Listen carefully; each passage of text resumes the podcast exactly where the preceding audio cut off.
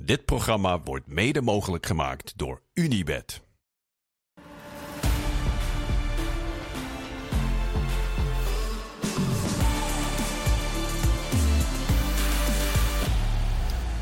Voetbalpraat van 17 november. Het zijn uh, vrij voetballuwe dagen als het gaat om wedstrijden, als het gaat om uh, voetbalnieuws. En daarom hebben wij onze kanonnen ingezet voor deze voetbalpraat. Marciano Vink, Karim El Amadi en Kees Kwakman allemaal aanwezig om het uh, voetbalnieuws dat er wel is. Het Nederlands elftal te gaan duiden. Laten we daar maar eens mee beginnen. Want Nederlands elftal heeft nog drie puntjes nodig tegen of Ierland of Gibraltar.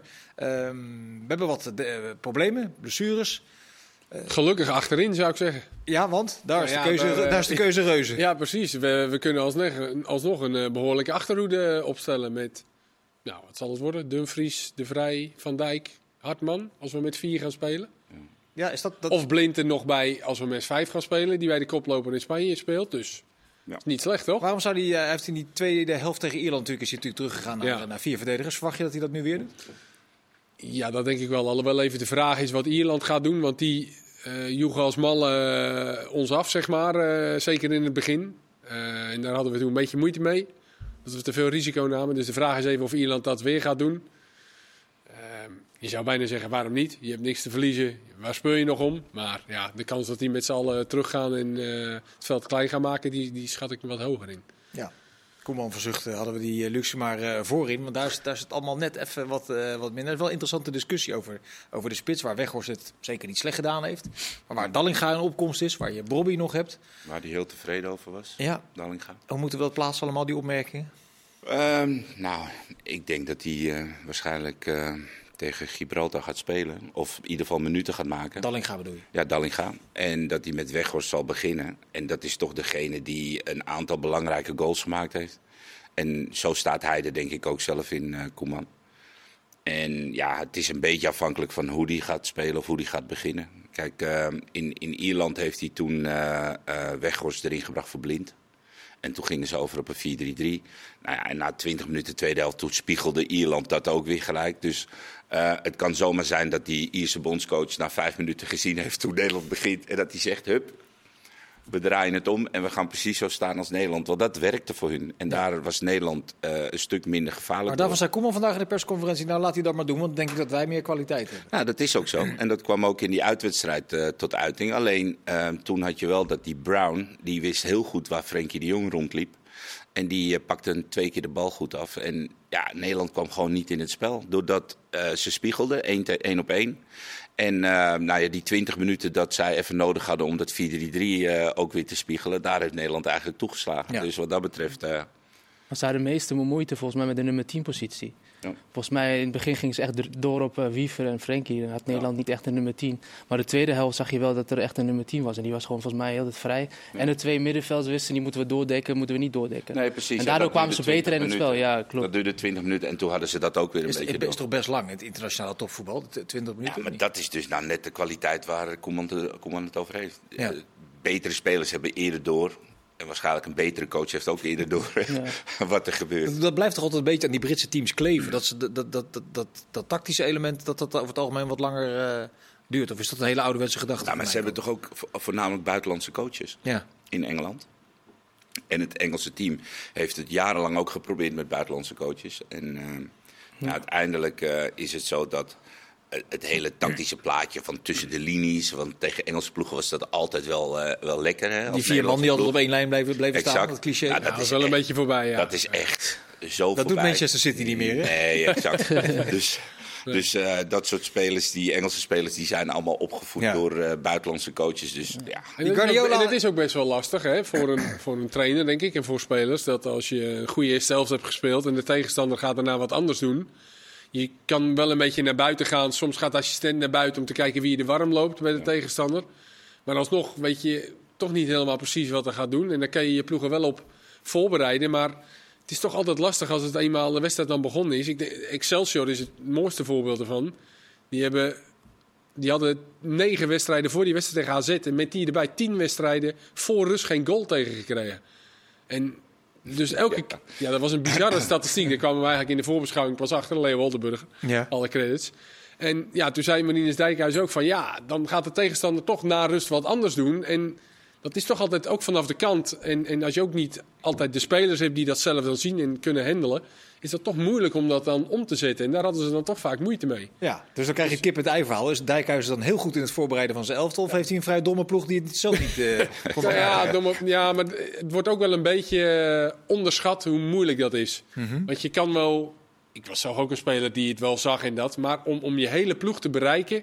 En om iedereen... En ik kan wel even zeggen van... eh, Karim, eh, zak even terug. Maar ja, dat heeft ook weer invloed op spelers voor hem. Dus Ja. je moet dat hele elftal... Moet, als je iets verandert, dan verandert er in het hele elftal. En ook de discipline Karim, van... heb, jij, heb, zeggen, heb jij dat vaak gehad dat jij de, eh, dat de tegenstander iets anders ging doen? Dat jij eigenlijk in het veld de oplossing zag, maar dat eh, je, je, je medespelers daar niet in meegingen of, of twijfels hadden of het misschien anders eh, wi- wilden of konden doen? Ja, ik heb, Komt het wel, vaak voor? ik heb het wel eens meegemaakt. Maar ik denk dat het echt vaak is de discipline van een hele team eigenlijk. Je hebt ook bijvoorbeeld, als je bijvoorbeeld tactisch iets hebt getraind, maar dat toch spelers bij zitten die niet die discipline houden en toch wel uit- eruit vliegen of in één keer gaan druk zetten zonder dat iedereen er klaar voor staat. Dat heb ik wel eens meegemaakt. En het is ook wel lastig, vooral als iemand, als een tegenstander in één keer wat anders gaat doen. Maar ik vind echt wel toptrainers of trainers, die goede trainers die ik heb gehad, ja, die, daar waren we echt eh, klaar voor alles wat een Ja, tegenstander maar dat deed. vooral dus. Dan had je meerdere, Ja. was je op meerdere Ja. dingen voorbereid. Dan Ja, van tevoren kreeg je dan ook te horen van als ze dit gaan doen of Ja. ze dat gaan doen. Ja, Dat is dan ben je gewoon beter voorbereid. Dat hij eh, een eh, blessure aanwendt om, om anders druk te zetten of eh, precies eh, een wissel toe te passen. Dus eh, ja, Krampaanval bij de keeper. krampaanval bij de keeper. Zagen we gisteren nog. Twee keer. Ja. Nee, maar je, je hebt gewoon coaches die dat heel snel doorhebben en die, eh, die, die, die grijpen gelijk in. En je hebt ook teams waarbij er gewoon in elke linie een ervaren speler staat. ja, dat is interessant dat je dat zegt. Is dat nog steeds zo? Of is het, het zijn de huidige teams toch meer... Ja, in Nederland Dat ze- is dat dat, ze sneller naar de in zijkant Nederland, kijken. in Nederland kijken we sneller naar de zijkant. Maar ik denk dat ja, in het buitenland dat dat misschien net eventjes iets, ehm, iets genuanceerd of iets anders ligt. Ik weet nog dat wij met eh, Groningen moesten we tegen Ajax voor de beker. Achtste of kwartfinale, ik weet niet meer. En toen hadden we vlak daarvoor in de arena gespeeld. En die waren er redelijk kansloos 2-0 verloren. Dus Maaskant zei, we gaan wat anders doen. We gaan ze verrassen. We gaan 4-4-2 in de ruit. Dus wij gaan staan voor de aftrap. En we gaan ook staan in een 4-4-2 in, In de ruit. En Frank de Boer gaat staan en die doet deze. Naar eh, Vertongen, Eriksen, Blind, eh Siem de Jong. En die doet eh, zo, hup, 3-4-3, 0-3. dus dan heb je dus in elke linie hadden die eventjes spelers die precies wisten van... Oh, als ik dus eh, Eriksen die wist dat hij daarheen moest. Ver- Vertongen wist precies dit. Ja, en die hebben dan vijf spelers hadden die in het elftal die het zo even om konden zetten. Ja, dan, eh, Maar met- ja, dan, maar dan noem dan je ook een aantal makkelijk. namen die dat gewoon Nee, maar, in zich maar hebben. dat is dus die topspelers en die toptrainer Ja. die dan gelijk eh, kunnen handelen. Dat is wel Wat, een wat, zijn nou spelers waar jullie mee hebben samengespeeld die het eigenlijk sneller zagen dan een, dan, dan een trainer van jongens luister eens, let even goed op, ze zijn nu bij de tegenstander dat en Blind. dat aan het doen? Blind. Blind, Wouters. Die hadden dat. eh maar ja, wij hadden bijna in elke linie wel een speler. Schip. Ja. Dus we hadden wel in elke linie wel een, een toekomstige trainer. Schip, Schip, Schip ook was buitenspeler, toch? Die, Ja, maar die, die zag ook gelijk eh, wel hoe, eh, hoe of wat. En die, ik, zit, ik zit nog steeds heel erg in die clichés. Ik wil buitenspelers, ja, buitenspelers. beetje dat die- dromen dat- aan de zijkant. niks zien. Ja. Nou, je hebt ze wel gehad natuurlijk, die, die gewoon met zichzelf bezig waren. Maar kijk, als je, als je Louis Vergaal als trainer had, en daarvoor Beenhakker, maar Louis Vergaal als trainer, dan was het elke ochtend na een wedstrijd was er een soort teambespreking. Maar dat was eigenlijk een veredelde eh, edelde, eh, tactiekopvoeding. Want hij gaf ook gewoon in die ochtendsessies aan hoe hij het zag. En dan moest iedereen ook, jong, oud, moest zeggen wat zij ervan vonden. Mhm. Maar ook tactisch gezien. Dus wat dat betreft kreeg je, ik denk elke maandag kreeg je een soort College. snel, snelcursus, college. Maar iets in mij zegt dat dat beter werkt dan dat je het helemaal voorgekoud krijgt, toch?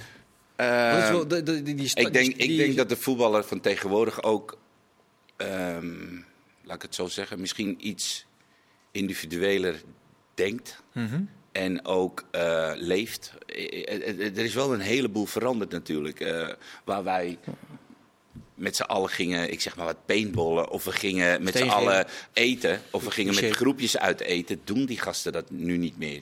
Nee, maar ik bedoel meer je? rondom, Dus, ik maar bedoel je meer leeft- rondom een Nee, maar wedstrijd. je eh. denkt ook individueel. Dus je bent, ja, laat ik zo zeggen, een Hansko zal misschien nog wel in het veld iets coachen.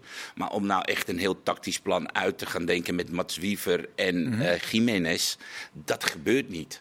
En, eh, of handelen. Het is meer wat de trainer zegt, dat voeren we uit. En dat zie Ja, je, dat- echt dat in- bedoel ik. Dat zie je echt in de wedstrijd. Dan dwing je dus niet meer een speler om, eh, om, om, om zelf echt na te denken. Ik bedoel, de gemiddelde staf bij een eredivisieclub is dusdanig groot dat iedere onderdeel van Dat het spel leer je wel heeft- op, de, op de trainingscursus leer je dat wel hoor. Vra- vragen stellen.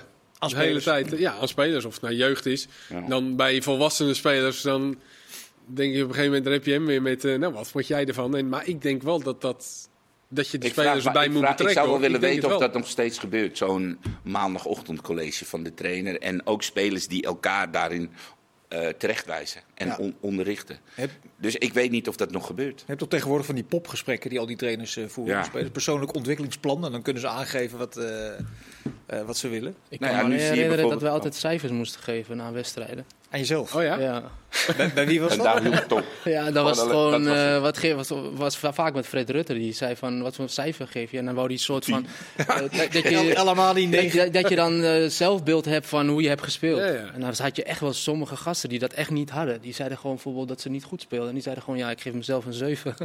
Ja. ja, maar zei hadden dan Fred, echt geen zelfbeeld. Ja, dan zei hij van, wacht even, ik ga wel even kijken wat ik erop heb staan. En dan was het veel minder. Zat jij er vaak naast of niet met je cijfer? Ik bleef altijd heel laag. Altijd Ja, dat is natuurlijk. Sessie, sessie. Ja. Zes, zes op de middelbare school, hoe ging het proefwerk Carina niet zo goed en dan eh, uitslagen En dan 8,3. acht. Ja. Eh, slim. Zo diep. Even terug naar Nederland zelf dan, want ik vond het interessant dat eh Koeman was natuurlijk het nieuws de afgelopen week over zijn opmerkingen over eh, Brian Brobby, over aanname, onrust in, de- in, in het afwerken. En van, eh, vandaag ging het eh, over eh, Dallinga, over, dat is eigenlijk totaal tegenovergestelde. De rust die er van afspat. Ja. dat is toch best, ik vond het best raar, of niet? Als je dat tegen elkaar afzet. Ehm, ja, die, nee, nou, omdat hij zei Nou over ja. Brobby, ja, misschien had ik het al wat anders moeten zeggen. En eh, bedoel, je, dit Dat- kun je uitleggen als een voorkeur is voor een duidelijke voorkeur Is voor dat een journalistendingetje dat je dan zegt, maar kijk, hij heeft, eh, hij heeft zelf Dat toegegeven dat hij een fout gemaakt heeft door zo openhartig over Brobby zijn Mhm. nou ja, aannames en zijn afwerken te praten. Hij liet zich meeslepen, heeft hij eh, zijn excuses voor aangeboden. Hij heeft ook met Brobby gesproken. En dan zegt hij gewoon iets positiefs. En dan gaan we het eigenlijk weer in de context trekken met... eh, zal hij dan bedoelen dat eh, Dallinga misschien wel beter eh, is dan Brobby... en dat hij hier beter bij past? Maar vind je dat gek, die veronderstelling? Ja, ik denk niet dat je zo ver moet doordenken. Ik denk dat hij gewoon antwoord heeft gegeven hoe hij Hato heeft ervaren de Ja. afgelopen dagen. En hoe hij Dallinga heeft ervaren. en ik denk dat dat verrast los staat van Brobby. Ja. Dat denk ik ook, maar het, het, het ging wel over hetzelfde onderdeel. Ja. Dus bij Brobby had hij het natuurlijk over ja. Ik, wil, ik weiger gewoon Nee, daar- nee, nee, ik denk ook niet dat hij... eh, hij gaf gewoon eerlijk antwoord op Dallinga. Maar het is wel grappig dat hij hetzelfde, de tweezelfde onderdelen benoemde die van...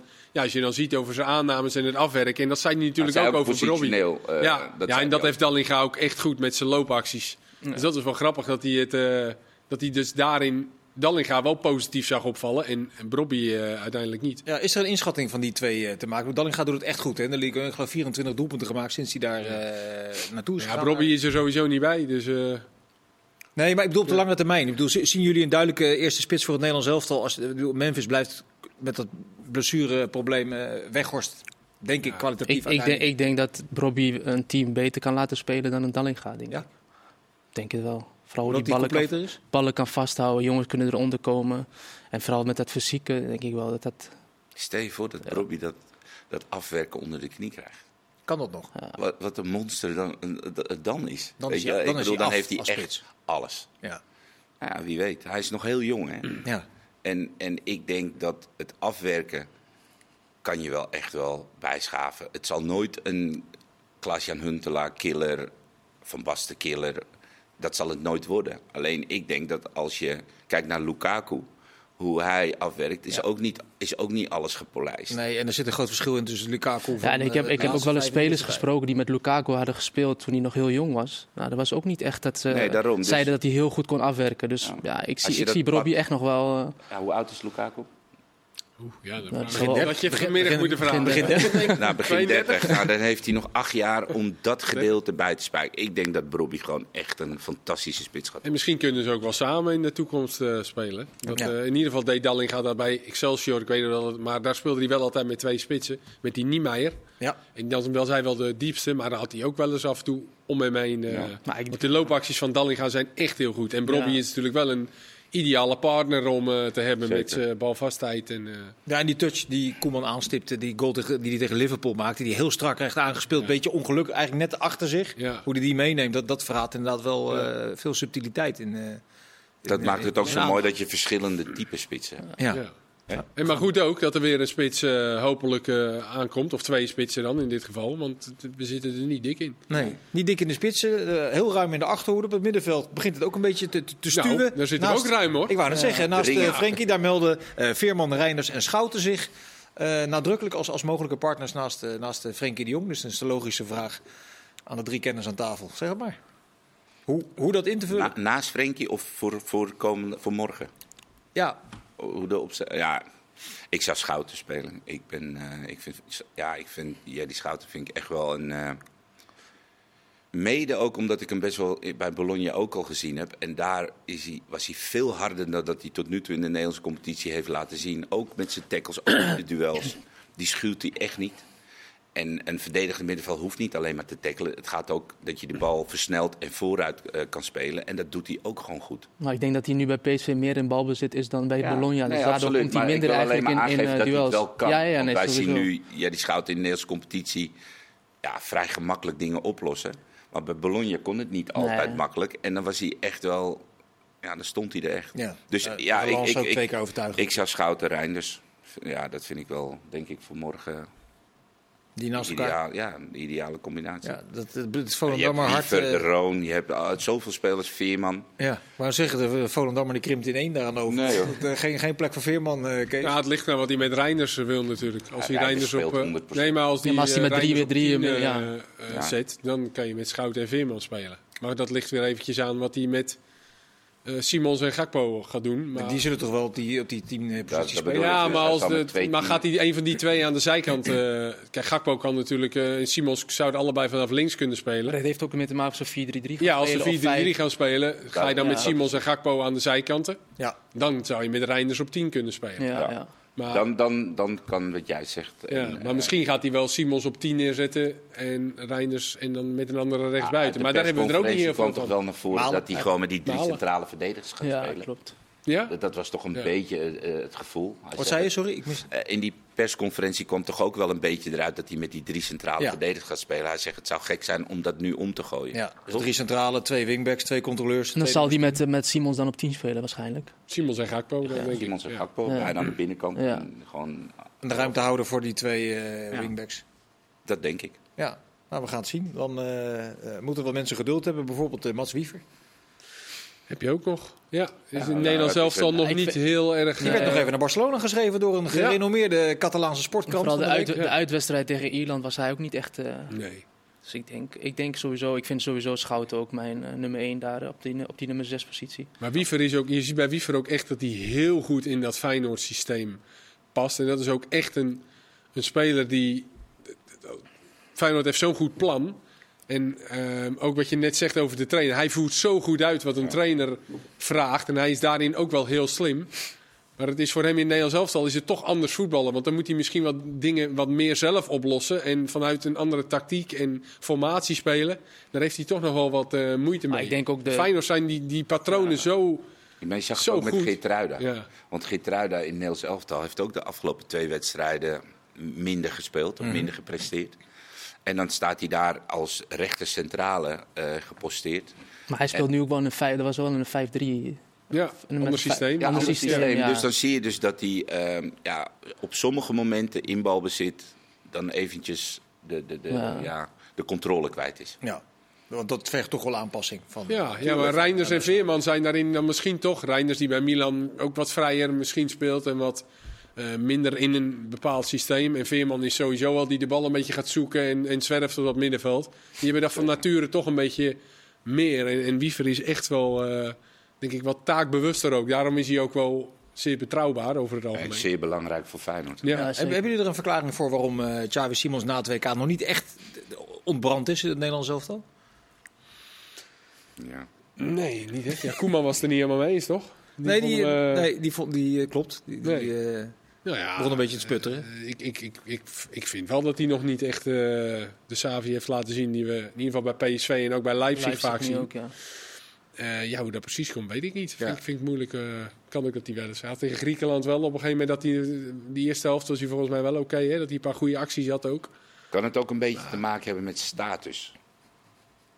Dat als je zeg maar, bij eh, Red Bull eh, gekocht of gehuurd, ehm, als belangrijke speler ook eh, binnengebracht, gelijk in het begin ook laten zien dat je die belangrijke speler wilt zijn.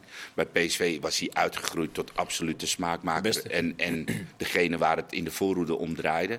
Dus hoe belangrijker je bent in het team, des te makkelijker hij voetbalt. En bij het Nederlands elftal is zijn status misschien nog niet van die aard dat hij zich helemaal vrij voelt. Om dingen Nee, maar te doen die hij misschien in zijn hoofd Dat heeft. was toch wel gek, want, op het moment- want die laatste wedstrijden was Memphis er niet, was Gakpo er niet. Ja, en was hij eigenlijk wel de Noah Ja. Lang was er niet. Dus eigenlijk was hij wel de man. Ja, maar Van, dan nee, heb je jij- nog jij- steeds- jij moet het nu Maar doen. wat ik bedoel met status meer, je hebt een Virgil van Dijk, je hebt een Daily Blind, je hebt spelers die er veel langer bij zitten, die ook bepalender zijn nog. In, Ja. en, en dan ben je, in elftal ben je gewoon een jonge, jonge jongen nog. Ja. Maar dat vergeten we inderdaad. Dat, dat, dat WK was natuurlijk zijn doorbraak. Nou, hoe lang is dat geleden? Ja. Een jaar. Dus het, Nu kan, kijk- het kan misschien een statusding. Ja. En daar, daar, daar groei je zo overheen en, en daar groei je ook in. En het kan zomaar zijn dat hij morgen de twee binnenschiet. Ja, dan, En dan- eh, één met een omhaal. dan, is het ook, dan is het ook opgelost. Ja, dan hebben jullie volgende week de verklaring te pakken. Ja. Jij was gisteren bij eh Jong Oranje. Zie je daar veel spelers die in de nabije toekomst bij het Nederlands elftal kunnen aanpikken? Ehm, Beetje lastig in te schatten tegen Jong Gibraltar, Ja. snap ik. Maar... moeilijk.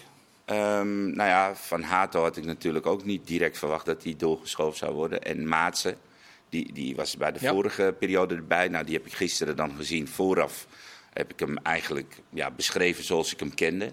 En dat viel bitter tegen in de wedstrijd. Eh, waar dat door kwam, geen idee, want er ging zoveel fout. En ehm, ja, het hele Nederlands elftal speelde de eerste helft gewoon slordig en ehm, eh, veel tijd nodig aan de bal. Nou, de enige die eh, mij echt opviel was eh, Van Bremen. Die vond ik echt goed spelen. Centrale verdediger. Linker centrale verdediger. Speelde echt goed. Bij Basel eh, speelt hij regelmatig. Ja. Staan stijf onderaan. Maar die speelde echt goed. En ehm, nou ja, En die stijf onderaan. Ja, Nee, die staan onderaan, ja. Die hebben een enorm probleem daar in, eh, ja die in Basel. onderaan. En, moet, eh, Roger Federer moet even, Even ingrijpen, moet even ja. ingrijpen. Eh, Maar die, hij speelde erg goed. En eh, ja, Ohio deed zijn ding. Die, die is bedrijvig, soms ook druistig. Maar die deed wel, wel zijn ding. En de tweede helft met de inbreng van Taylor en uh, Salah Eddin. Ik kijk even kwam er meer, ja, ik zie het. Ja, kwam er ja. meer, eh, Heeft meer kwam er energie en Ja. Wat hij daarmee bedoelt, gaat hij zo uitleggen, Marciano. Graag tot zo.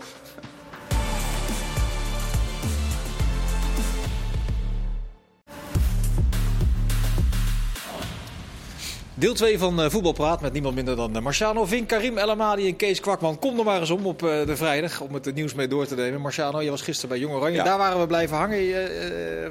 Nou, verbazing is een, groot, een groot woord. Ja, We hadden het over de nummer 10 positie. We is vanmiddag eventjes toen we Ja. dit allemaal een beetje doornamen. Dat is een beetje dun bezet in die, in die lichting.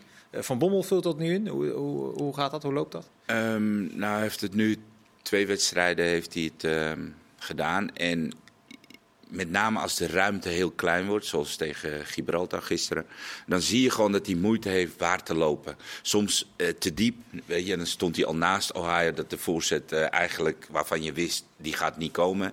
En andere keer probeert hij de bal eh, te zoeken, want ja, je krijgt op die teampositie gewoon wat minder de bal.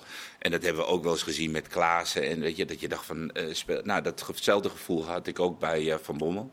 En ehm, hij is een speler die gewoon meer ruimte nodig heeft. En ik zeg niet dat hij ongelukkig oogt, absoluut niet. Maar ik denk dat, eh, wil je hem beter gebruiken, dat hij echt wel aan de zijkant en dan de diepte naar binnen komt. Want dat Ja. hij dan beter tot zijn recht komt. Zou je hem ook niet misschien dan tegen Zweden wel juist op 10 ook moeten proberen? Nou dat ja, hij dan misschien, misschien- wat... Want nu deze twee wedstrijden, ja, de, de, was, waar moet je ook lopen als nummer 10 zijn? Nee, is ook, het is ook lastig. Alleen de vorige wedstrijd, ehm, Ham, wat was de vorige Dat wedstrijd? was ook Gibraltar, toch? Uit. Ja, Gibraltar Ja, uit. Daarvoor, ja, klopt. daarvoor Georgië. Ja. Ja, de voor Georgië, maar Gibraltar uit heb je natuurlijk wel ietsjes meer ruimte dan, weet je, die gasten kwamen hier echt wel voor, eh, de high fives waren eh, ehm, volledig aanwezig bij, eh, bij het hele team. Dus de ruimte hier was nog beperkter voor hem. En Gibraltar uit, dan ja, er waren er wel een paar momenten dat je denkt van nou oké, het ziet er wel goed uit, maar ik vind het nog niet. En Babadi, dat is wel een echte nummer 10. Mhm. En die deed in die eerste wedstrijd deed hij het fantastisch. Hij had ook een paar mooie steekballen. En die heeft dat gevoel wel. Ik weet niet precies waarom die er nu niet bij zit, Babadi. Maar goed, dat is wel nummer 10 in die leeftijdscategorie die die positie wel heel goed kan invullen. Ja, maar die is wel de vierde keus nu ongeveer bij PSV. Maar ik heb wel het gevoel, Ja, ik zag maar die dat, volgens wedstrijd mij ook, maakt dat toch niet zo heel veel uit als je goed Nee, bent. dat, je dat toch is zo. Wat, wat je? dat Van Bommel eigenlijk volgens mij helemaal geen nummer 10 is. Hoe die, Nee, hoe die hij- erbij loopt en hoe die... Ja, maar wat eh, ziet, wat ziet de Nee. reiziger er dan wel in, denk, Ja. denk jij? Ik zou het niet weten. Volgens mij die, die wedstrijd daarvoor had hij nog wel een paar leuke acties. Gisteren ook, of bij die wedstrijd, had hij ook wel één leuke actie. Dat was Ja. in de sessie achter de standbeen. Maar ik vind hoe die loopt en hoe die beweegt, dat, hij, dat, hij niet echt, dat, dat je niet het gevoel hebt van dat daar iemand, heeft, eh, dat daar iemand eh, speelt die daar heel vaak heeft gespeeld. Ja. Maar niet te snel afschrijven. Vorig jaar rond deze tijd was hij net van de bank af bij. eh, Nee, nee, maar als linksbuiten, linksbuiten prima. Maar op 10 vind ik hem een beetje... En Ja, bij gebrek aan eh, beter dan waarschijnlijk ook. Hè? Als Ja, er het is- weinig andere opties zijn. Misschien ook wel een jongen die ritme nodig heeft. Bij MVV, bij MVV was hij natuurlijk op een gegeven moment de man. Hij Zeker, speelde ja. alles. En bij Ja. AZ is het erin, eruit. eh, Breder ook. Ja, en je zou hem dan eigenlijk in, wat ik net zeg, in mijn wedstrijd waar iets meer ruimte is, dat, dat, dat hij dan nog misschien de kans eh, krijgt. Ja, maar dat, ik vind voor die nummer 10 positie moet je ook een bepaalde attitude hebben. Moet je ook, eh, weet je wel, eh, en hij is best wel verlegen. Ja. Ook in, in zijn in zijn spel, in zijn gedrag. En ook in die docu zie je gewoon dat het een hele rustige, bedeesde jongen is. En ik vind op die 10 positie, dan mag best wel iemand staan die zegt, hier die bal, weet je wel. Dennis En- Bergkamp was ook een bedeesde jongen. Dat was een aardige nummer 10. nou, toch? vergis je niet, hè. Dat was mijn eh roomie. Ja? En dat was echt geen Langs de bedeesde jongen. regenpijp. Ja, maar eh, dat naar Van. Bommel, heeft dat ook wel een wacht even. Ook- Marciano ging net uitleggen wat Nee, er nee, gebeurde. nee, nee, nee. Eh, maar heeft echt ook wel af en toe dat hij, eh, dat, hij, dat hij pittig reageert hoor. Een beetje ook wel een schele kaart, een beetje uit frustratie. Het zit een beetje in hem. Ja. Ja, jij herkent hier een Maar- familietrekje. Maar je bedoelt Ik- meer, ik- je ja, bedoelt meer gewoon aan de bal. Dat aan de bal meer opeisen. opeisen. Ja, ja, ja. En, en gewoon echt laten zien, weet je. Dat miste ik ook in de klassieker. Ja. Misschien is dat ook wel een hele grote wedstrijd. Maar toen zag ik ook eigenlijk bij hem aan de buitenkant dat hij niet Beetje echt... bleu. Ja. Beetje Ja, een bleu. beetje verlegen. ja. En het is natuurlijk wel een stap hè, van de KKD Ja, naar AZ. En Zeker. dat heeft een tijd nodig. Maar in potentie is zeker een goede speler aan de buitenkant. Denk ik. Ja, ik vind de nummer 10 positie een, een, te leuke positie om het even te laten liggen. Ik vraag nu van jullie drie, wat is de beste nummer 10 waarmee je hebt gespeeld?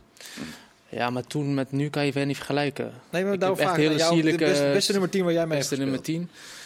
Ja, dan ga ik toch voor Aysati. Ja? Ja, dat is wel een... eh, Maar, maar, Van Persie heeft ook wel eens op 10 gespeeld bij Feyenoord. Dus dat, eh, dat, eh, die kan ik dan ook meerekenen. Ja. Maar Aysati met de tijd bij Twente. Toen had hij net dat jaar opzitten bij PSV. Toen hij tegen Milan speelde. Volgens mij in de Champions League en zo. Ja, toen kwam hij bij ons op de training. Ja, ik, ik wist niet wat ik zag. Links, eh, rechts. Ja, het was echt ongelooflijk. Dus dat was, vond ik eigenlijk een van de beste nummer 10's met wie ik eh, heb gespeeld eigenlijk. Ja. Ik Ja? heb denk ik met de twee ultieme. Bergkamp En lidmaten. nee, en Luc Niels. Jezus. Ah, Luc Niels was gewoon... eh, Dan ging jij Die graag, kon- die kon ging jij graag alles. verpoetsen voor die twee. Nou ja, als Ronaldo nu nog steeds zegt dat de beste speler waar hij ooit mee gespeeld heeft... en hij heeft echt met alle grote der aarde gespeeld... eh, dat dat, dat, dat eh, Niels is, ja. ja, dat zegt wel genoeg. Voor de wat jongere kijkers. Nou, Niels was een stylist. Zo oud is Luc toch niet? Die kon-? Nee, Is maar er zitten ook, kinderen, Ja, oké. eh, jonge volwassenen Nou, van dan zou ik 23 YouTube kijken. terugkijken. kijken. Ja, wat adviseer, stop maar met kijken. Ga naar YouTube. YouTube ga- Luc kijken, de goals van Luc Niels en de assists op Ronaldo. Braziliaanse Ronaldo. Goeie tip. Maar Bergkamp, ja, daar hoeven we toch niet over te praten. Nee. Dat is echt zo mooi. Die kent iedereen wel. Kees, Ja. jij? Ja, je ken je toch niet al. Niet over- Nee, laat, laat maar Kees. Ik heb in Duitsland met Dani Beyer, waar ik laatst de afscheidswedstrijd van had. Hele, echt een hele goede speler. Maar die is daarna wel echt een eh, nummer 6 geworden uiteindelijk. Ja. Maar echt mooie Ik technische denk dat de kijkers nu wel even moeten gaan googlen. Nee, maar eh, meeste wedstrijden voor Augsburg gespeeld. Tien jaar in de Bundesliga. Om er eens Dus, wat te eh, noemen. Goeie speler. Goed zo. Willem II dendert door, Kees, in de keukenkampioen divisie. Ja, knap. Ja, ze hadden wel een rode kaart nodig van VVV 3-1 uiteindelijk. vanavond tegen VVV. Ja, want de eerste helft was eh, magertjes van beide kanten. Maar een beetje een rare overtreding van Klaassen. Nou ja, raar. Die was gewoon net te laat. Heerkens eh, speelde de bal net te ver voor zich uit. Ja, en Klaassen was te laat met die tackle en kreeg een rode kaart. Ja, de vraag was even of hij hem raakte, maar het was wel, was wel een gevaarlijke Ja, tackle. ik begrijp niet zo goed dat Klaassen is niet een jongen die eh, voor het eerst meedoet.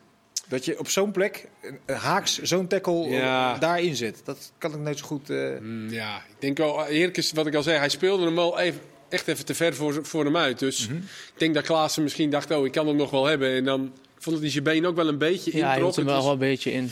Maar het, was, eh, maar het was de wedstrijd van eh Freek Heerkens. Rode kaart veroorzaakt. Schitterende Goeie assist. assist hoor, hè, met Met links. links. En een goal. ja, Dus, ja, ja. Dat was helemaal... Beschrijf eh, die assist even, want niet iedereen zal hem gezien hebben. Want je verwacht het ook niet misschien bij Nee, bij- ja, afvallende, mij- afvallende bal. Afvallende bal inderdaad. En, buiten ik- de 16. In de dropkick volgens mij met, met zijn linkerbeen. Met zijn met zijn links, zoals wij dat in Volendam zeggen. Ja, stak hij hem zo eh, binnendoor op eh, Oosting. Ik vond het de mooiste assist die ik dit seizoen in de keukenkampioen-divisie Ja, dat was gezien echt, ja, Nou, die was van. Adai laatste was ook schitterend. Ja. Op, eh, was ook bij VVV trouwens. Ja, die krijgen, die wel Maar. Die krijgt elke keer... eh, Maar ik denk als hij hem nog een keer moet doen, dat hij niet... Schiet Nee, dus, cool maar, maar knap van Willem II. Die, eh, en het is niet allemaal eh, niet oogstrelend wat ze allemaal doen. Maar die, eh, soms kan een trainerswissel eh, wel helpen. Ja, want dat is een week of zeven geleden inmiddels, denk ik, dat ze Robbenmond eruit eh, gegooid hebben. En Ja. eh, de Belg Peter Maas neemt het over. Die zit iedere week te klagen dat het voetbal nog niet goed genoeg is. Nee. Maar ze blijven maar winnen. Ja. Eh, de vraag is ook of dat dan nog gaat gebeuren en of dat dan ook wel moet. Want als je het op deze manier kan, ja, dan krijg je ook als spelersgroep krijg je zo'n vertrouwen en, en gevoel. Dat je ook denkt van nou, het voetbal is dan wel niet goed, maar we geven niet veel weg en we winnen. Ja, dan, eh, dan Twente- ga je er sowieso op die manier in geloven. Twente, hoe ze waren gepromoveerd van de KKD naar de Eredivisie, was Ja. ook echt met zuur heel slecht voetbal. Maar uiteindelijk zijn ze er wel gekomen. Ja, ik, had het, ik noemde net Augsburg. Bij ons. Na elke wedstrijd dacht ik van, serieus. Geen normale aanval op de mat gelegd. Maar ja, je won. En dan ging je weer die bus in, acht uur terug. Dan dacht je, ja, Ja, je wordt er weer enthousiast van. prima. Kees. Ja. Dat ding even staan. Volgende week gewoon weer zo winnen. Ja, en dan, dan ga je er ook minder om geven. Ja, en eh, dat heeft Willem II denk ik nu ook wel een beetje. Valt er nou al enig, zin- enig zinnig woord te zeggen over de uitkomst van de keukenkampioen-divisie, eh, Karim?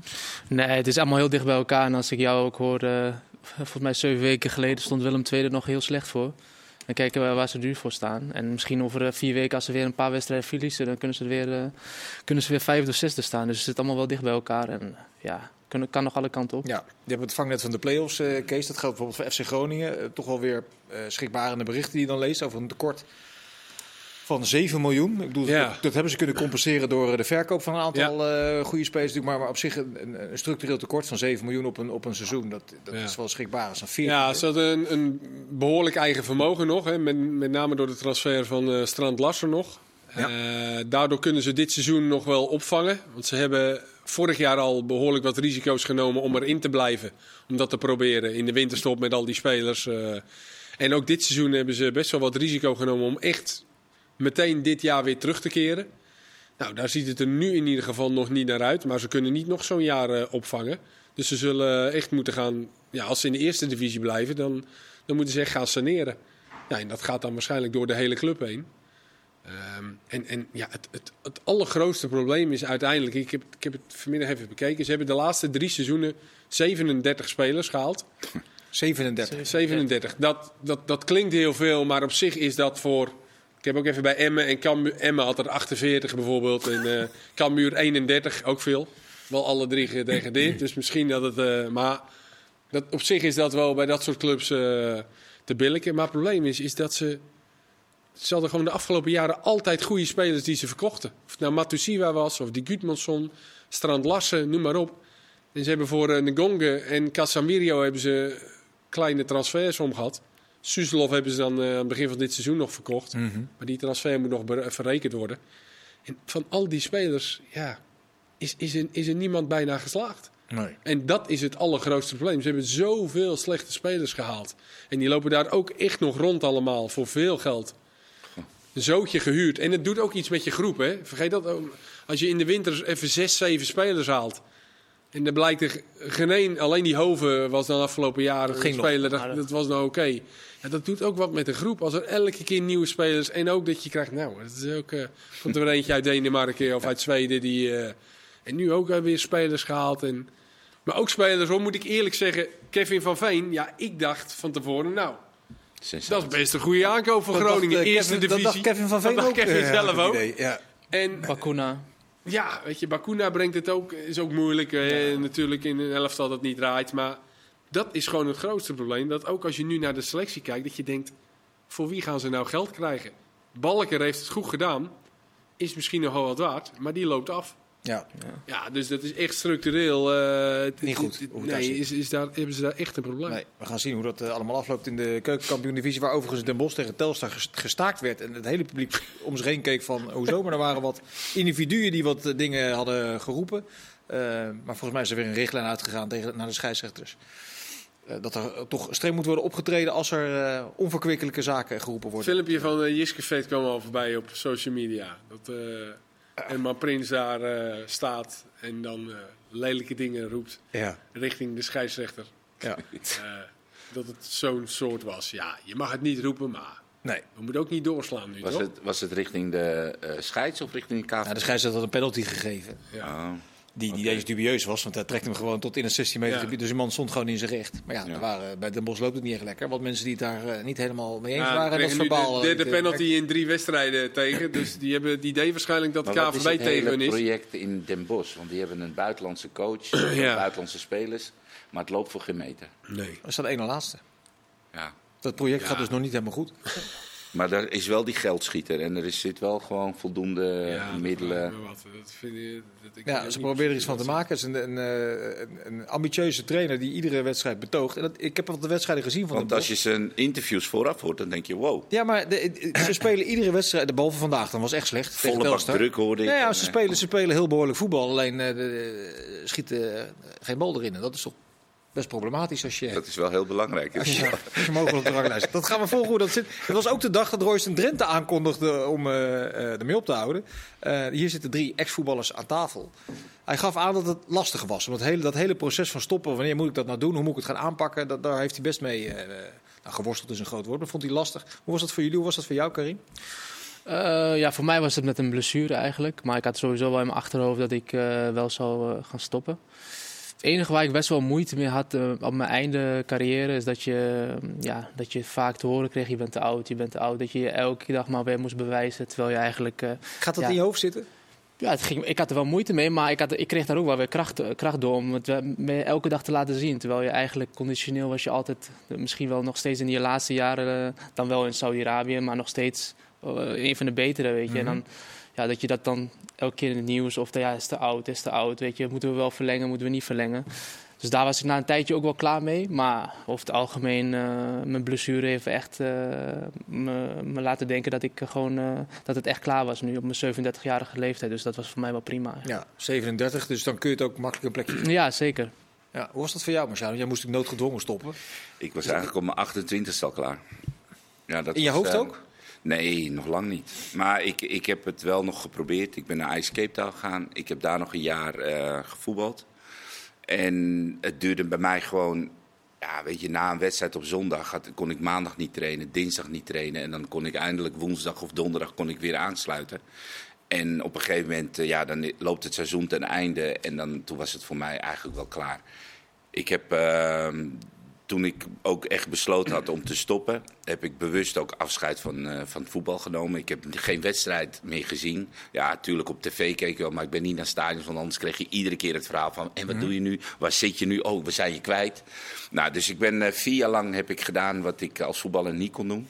Eh, dat is de vrijdagavond anders besteden dan je nu doet. Vrijdag, zaterdag, zondag anders besteden. En ehm, nou ja, dat was ook mede omdat ik afstand moest nemen. Kijk, het hoofd. Je had die uitlaatklep gewoon... Nou, nee, nee, niet uitlaatklep. Kijk, mijn lichaam kon niet meer, maar mijn hoofd was natuurlijk vanaf mijn 14e, 13e getraind om elke dag te trainen, eh, wedstrijden te winnen.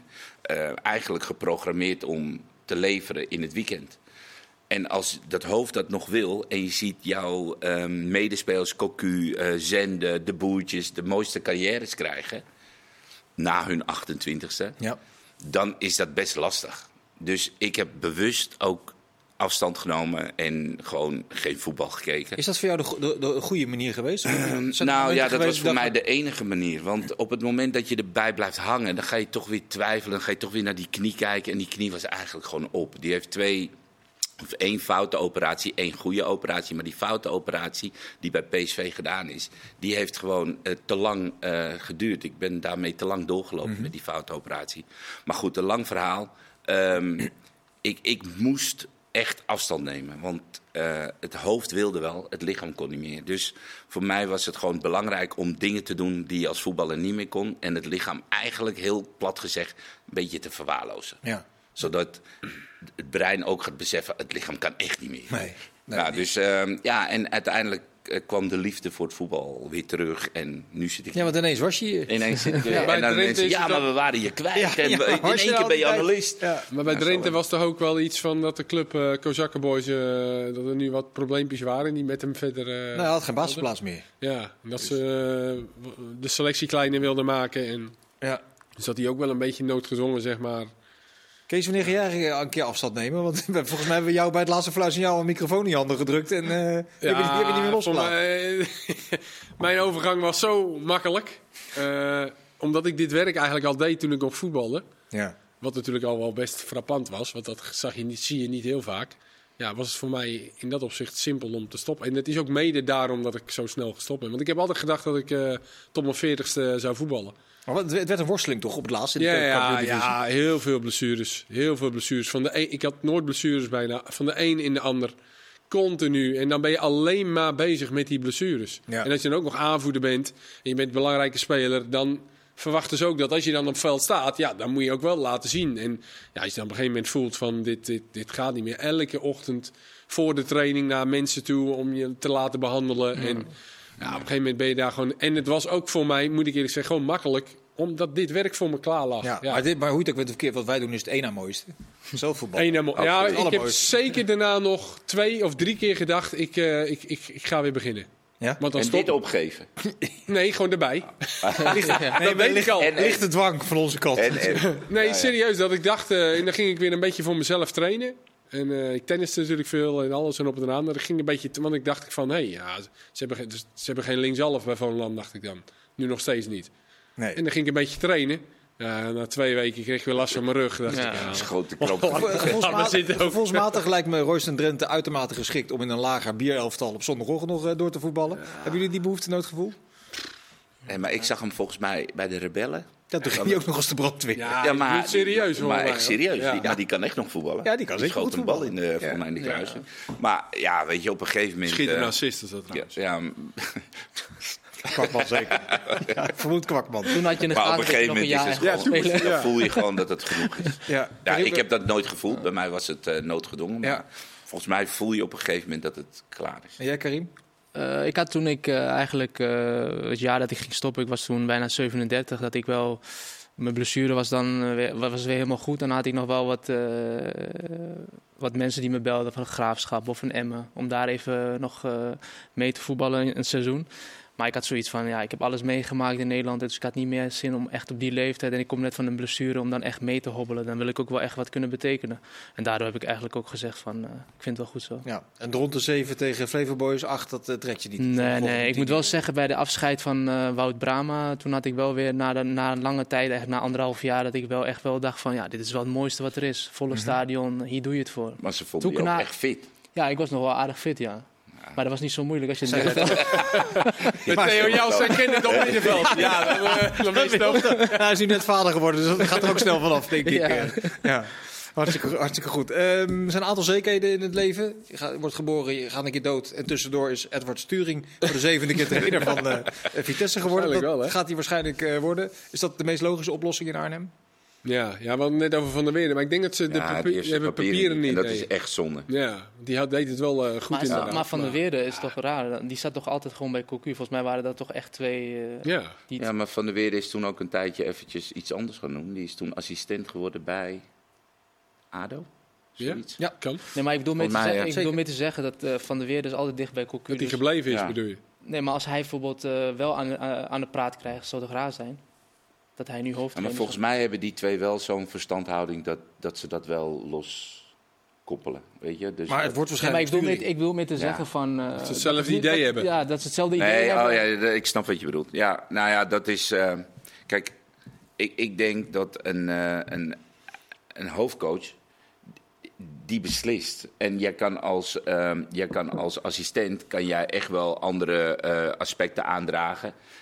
Alleen wat een hoofdcoach in zijn hoofd heeft, dat laat hij ook niet zo heel snel los. Hij heeft eerder de drang om te bewijzen wat hij in zijn hoofd heeft werkt.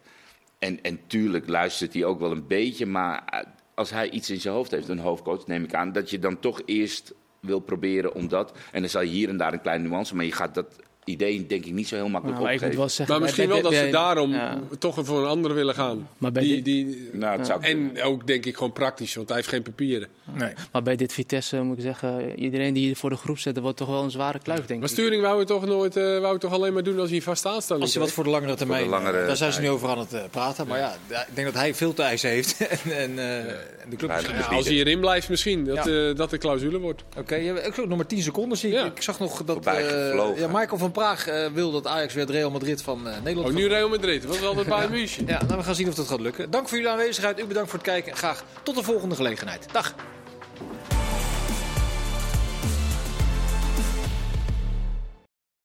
Dit programma werd mede mogelijk gemaakt door Unibed.